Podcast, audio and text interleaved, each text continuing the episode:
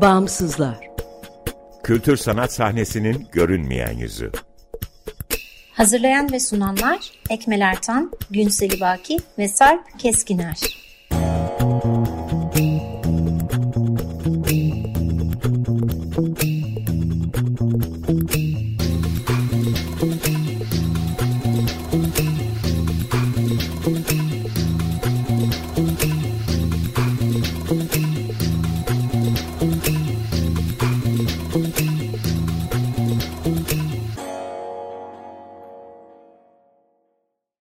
Merhaba sevgili dinleyiciler 95.0 Açık Radyo'dasınız. Açık Dergi içerisinde yer alan Bağımsızlara hoş geldiniz.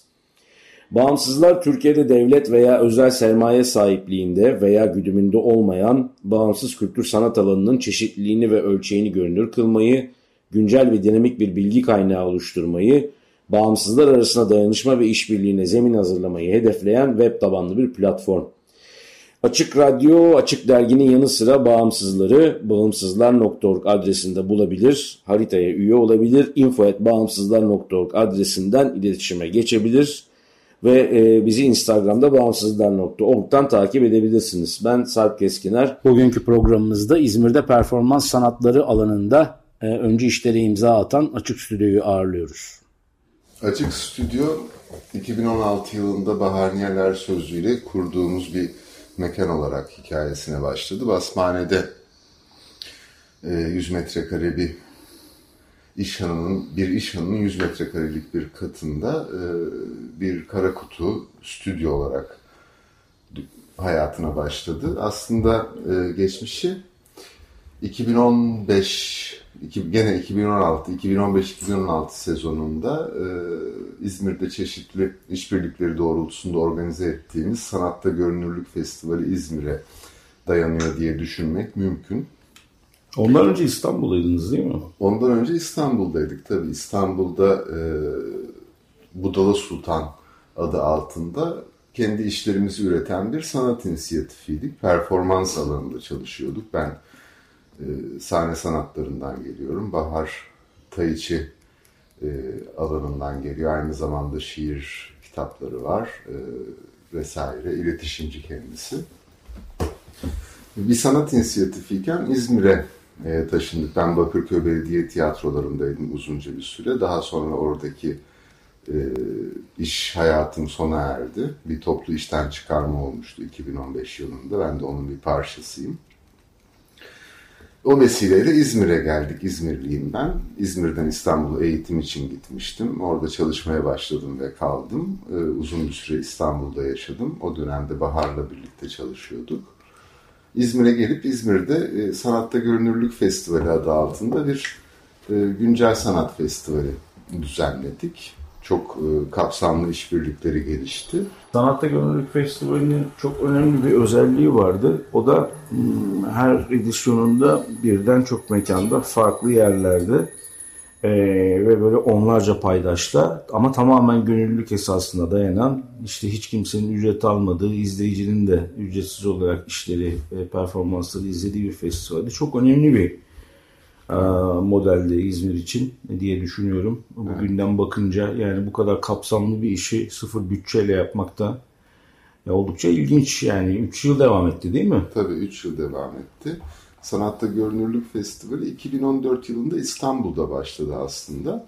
Mimar Sinan Çağdaş'tan sana sanat dalı öğrencilerinin e, kendi işlerinin görünürlüklerini sağlamak üzere e, başlattığı bir seferberlik haliydi tam anlamıyla e, kelimenin. Daha sonra bizim, biz de Sanatta Görünürlük Festivali'nin İstanbul'da bir parçasıydık. Bizim İzmir'de e, bir şeyler yapmaya başlamamızla beraber neden Sanatta Görünürlük Festivali'nin bir İzmir edisyonunu yapmıyoruz diye sorduk kendimize. Ve tam da tarif ettiğin gibi mekanların gönüllülük ilkesiyle, sanatçıların gönüllülük ilkesiyle, organizatörlerin gönüllülük ilkesiyle çalıştığı, tamamen e, bütçesiz, herkesin kendi aynı kaynaklarını e, paylaşıma açtığı bir sefer, kitlesel bir seferberlik hali diye tarif etmek mümkün Sanatta Görünürlük Festivali İzmir'i. İlk yılında Artizliğin Kime başlığıyla, ikinci yılında Gören Gözler Güzel başlığıyla, üçüncü yılında da Bakış başlığıyla gerçekleştirdik festivali. Açık Stüdyo'nun aslında e, mantalitesinin kendini göstermeye başladığı yer Sanatta Görünürlük Festivali İzmir'in birinci edisyonudur diye düşünmek mümkün. Orada gördüğümüz potansiyel ve orada gördüğümüz e, işbirliğine açıklık İzmir'deki bizi açık stüdyoyu hayata geçirmeye cesaretlendirdi. Ve e, bir kara kutu stüdyoda 2016 yılında Basmane'de başladık. Nasıl buldun İzmir, döndüğün İzmir'i nasıl buldun? Döndüğün İzmir'deki kültür ortamını nasıl buldun? Benim e, geride bıraktığım İzmir'den çok bambaşka bir İzmir'le karşılaştım. Geçen, tabii ben 2003 yılında İstanbul'a gitmiştim İzmir'den ve e, çok işte yolun başında genç ve işte sanat alanında bir şeyler öğrenmeye, bir şeyler yapmaya çalışan bir insan olarak ben e, İzmir'e döndüğümde e, ne gittiğim İstanbul İstanbul'du ne döndüğüm İzmir İzmir'di ne de ben artık eski bendim. Şöyle yani çok e, çok dinamik bir kültür ortamı gördüm. Ben İzmir'den ayrılırken böyle bir kültür ortamı var mıydı bilmiyorum. Belki vardı da ben görmüyordum. Belki yoktu ama e, döndüğüm İzmir'de şunu fark ettim. Güncel sanat alanında e, çok dinamik bir e, bir grup insan var ve bu insanların hakikaten kapasitesi çok yüksek. Hem yapabilirlik anlamında hem formasyon anlamında hem de işbirliğine açık olmak anlamında ve e, bir e, hani küçük bir adımla pek çok şeyi harekete geçirebildiğimi gördüm ben İzmir'de. İstanbul'da böyle bir şey yoktu. İstanbul'da çok daha sert bir rekabet ortamı var ve insanlar birbirlerine e, biraz daha mesafeliler. İzmir'de daha e, iş yapmaya istekli insanlar gördüm ve insanların e, kapasitelerinin çok yüksek olduğunu gördüm. Bu da beni çok e, motive etti. Tabii hani çok farklı bir e, zaman algısı ve süre algısı var İzmir'de İstanbul'a göre. Çok daha hani işler biraz daha uzun vadelerde gerçekleşiyor diye düşünmek mümkün. Ama onun da kentin doğasından kaynaklandığını düşünüyorum. Sonra Basmane sona erdi. Ondan Basmane sonra nereye gitti açık stüdyo? Basmane'yi e, 2017 yazında kapattık çünkü finansal anlamda e, sürdürülebilir olmadığına karar verdik. işlettiğimiz modelin. Yani kar amacı gütmeyen bir sanat inisiyatifinin ticari bir e, işletme olarak hayatını sürdürmesi çok da mantıklı değildi. O dönemde Mavi Bahçe'den bir e, davet geldi bize. Stüdyoyu orada gerçekleştirmemize yönelik bir işbirliği kurduk. Mavi Bahçe'nin e, yaklaşık 60-70 metrekarelik bir e, mekanını biz tekrar orada kara kutuya çevirdik. Orada bir sezon devam ettik. O dönemde benzer etkinlikleri e, Mavi Bahçe'de gerçekleştirdik. Birinci yılında Açık Stüdyo'nun e, toplamda 80 farklı etkinlik yaptığını geriye dönük bir e, analizle bugün söyleyebiliyorum. 2016-2017 sezonunda dört tanesi düzenli tekrar eden e, etkinlik olmak üzere 80 farklı etkinlik ve bunların hepsi farklı sanatçılarla, farklı insanlarla benzer etkinlikleri Mavi Bahçe'de bir sezon sürdürdük.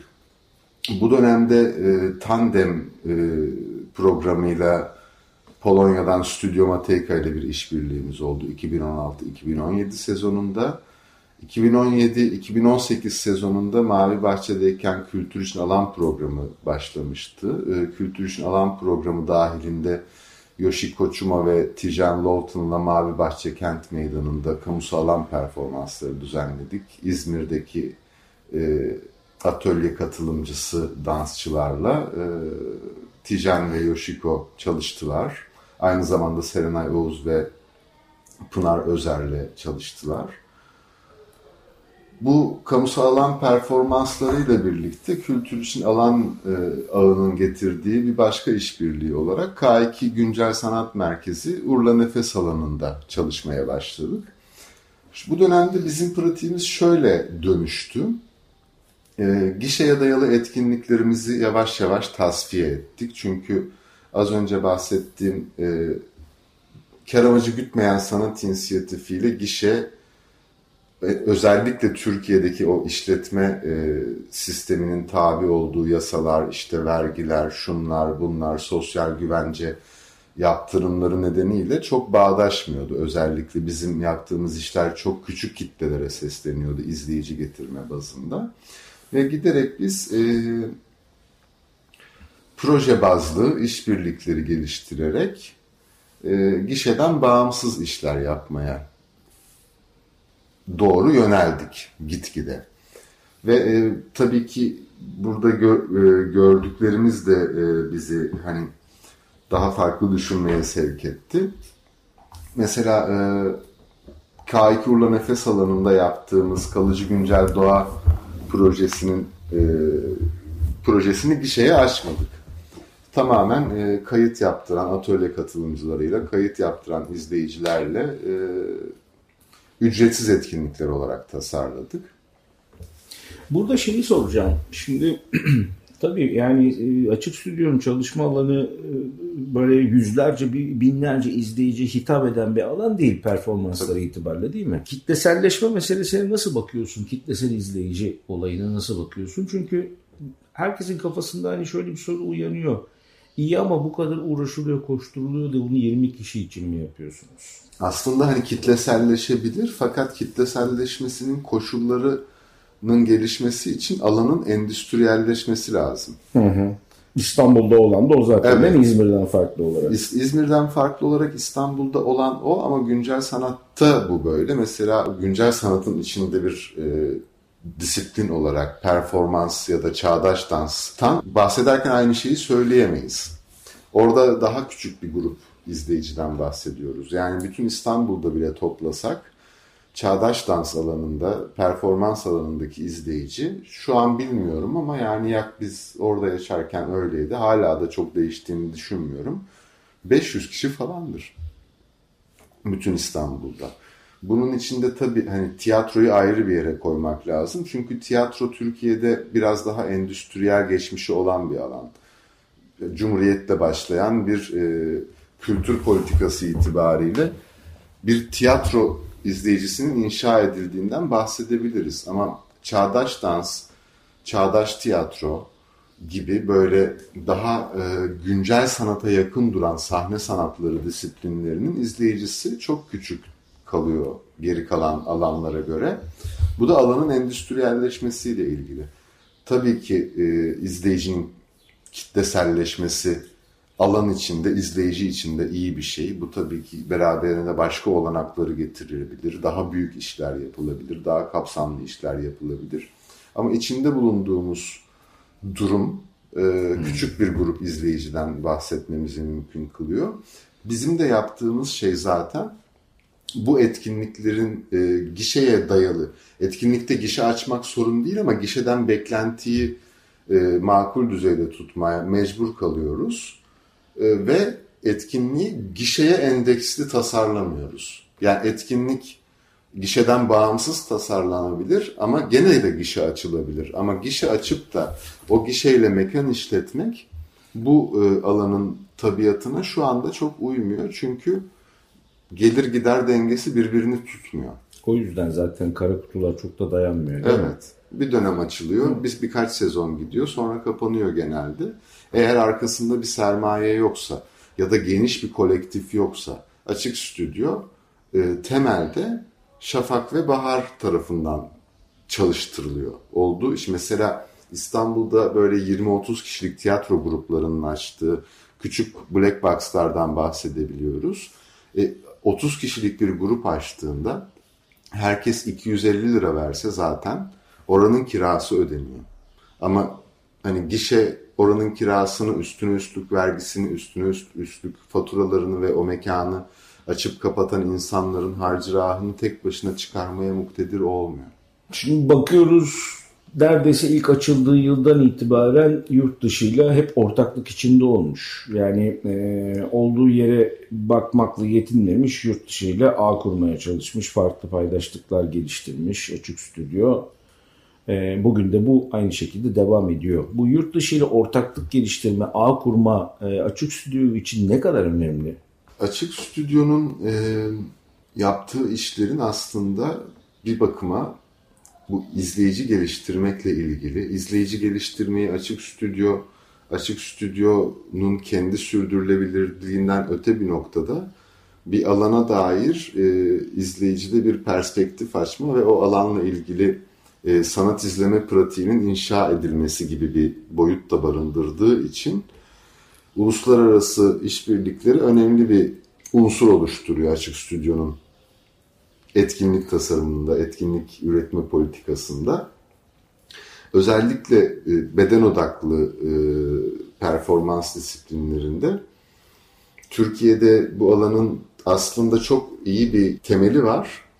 Özellikle İstanbul'da e, çağdaş dans konusunda yapılan tedrisat çok uluslararası düzeyde bir standarda sahip.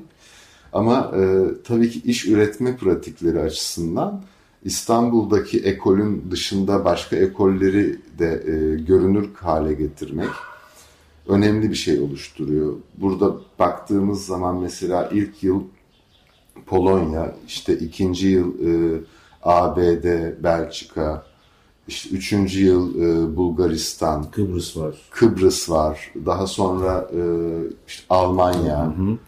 E, gibi böyle adım adım ilerleyen bir e, sanatçı exchange'i pratiğinden söz etmek mümkün.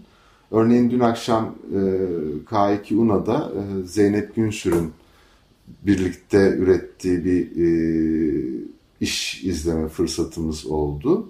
Kadir Has Üniversitesi, e, Hollanda'dan bir üniversite e, ve e, Slovenya'dan bir üniversite arasında öğrenci exchange'ine dayalı gene çok ortaklı bir projenin atölye çalışmasının çıktılarını görme şansımız oldu ve şimdi baktığımda e, yani orada böyle bir ivme kazanan sanatçı exchange'i aslında İzmir'in bir bakıma da e, işaretlenmiş olmasına yol açmış ve e, buraya insanların gelip gitmeye başladığını görüyoruz evet, bizden bağımsız olarak. Çok doğru. Yani bağımsızların kapasitesini uluslararası anlamda e, geliştirmek açısından da e, bakabiliriz veya e, bağımsızların e, ortaklık kültürünü geliştirmek açısından da bakabiliriz. Yani İzmir ne kadar bu tür etkinliklere ev sahipliği yaparsa e, o kadar da çok imkan söz konusu oluyor ve İzmir defalarca işaretleniyor. Daha önceki evet. yıllarda hani 10 yıl önce mesela bu kadar sık işaretlenmiyordu en evet. azından sanat alanında genel olarak.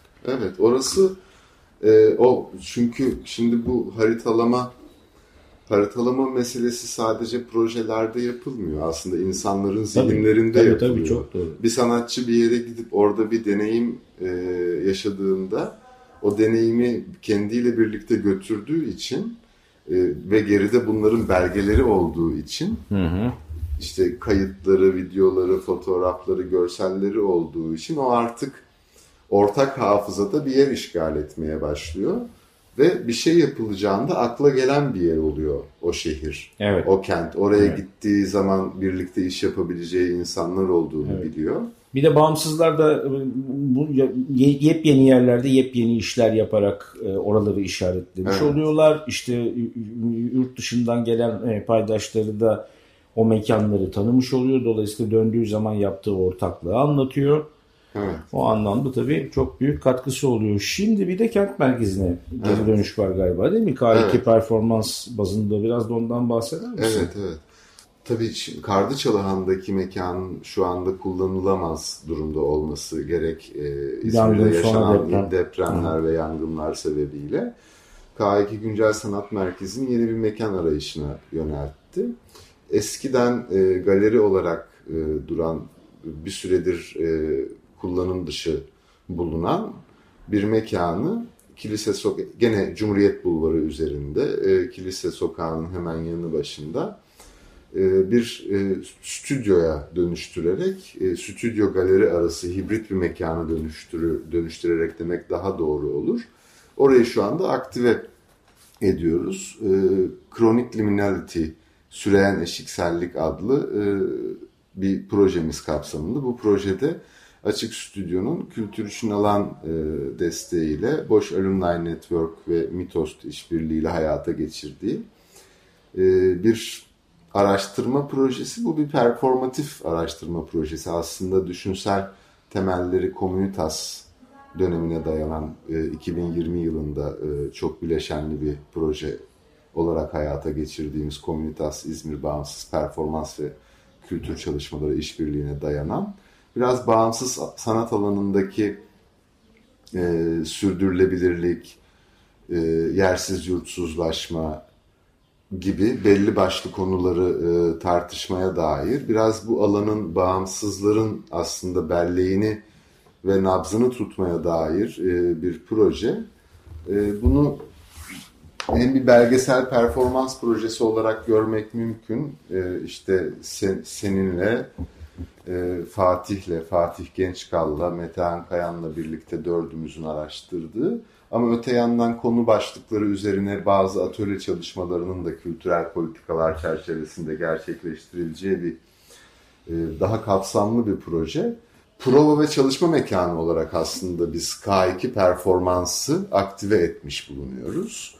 Bu proje bittikten sonra da programasyonunda açık stüdyo aktif bir rol üstlenecek. Aha, aha. Evet yani bu e, kronik liminality olsun, onun üstüne e, oturduğu Communitas İzmir süreci olsun, açık stüdyo e, sadece performans üretmeye e, odaklanmış bir yapı değil. Dolayısıyla e, işin kavramsal tarafına da yoğun bir şekilde e, kafa yoruyor, e, yepyeni ortaklıklar geliştiriyor, yepyeni ağlar kuruyor.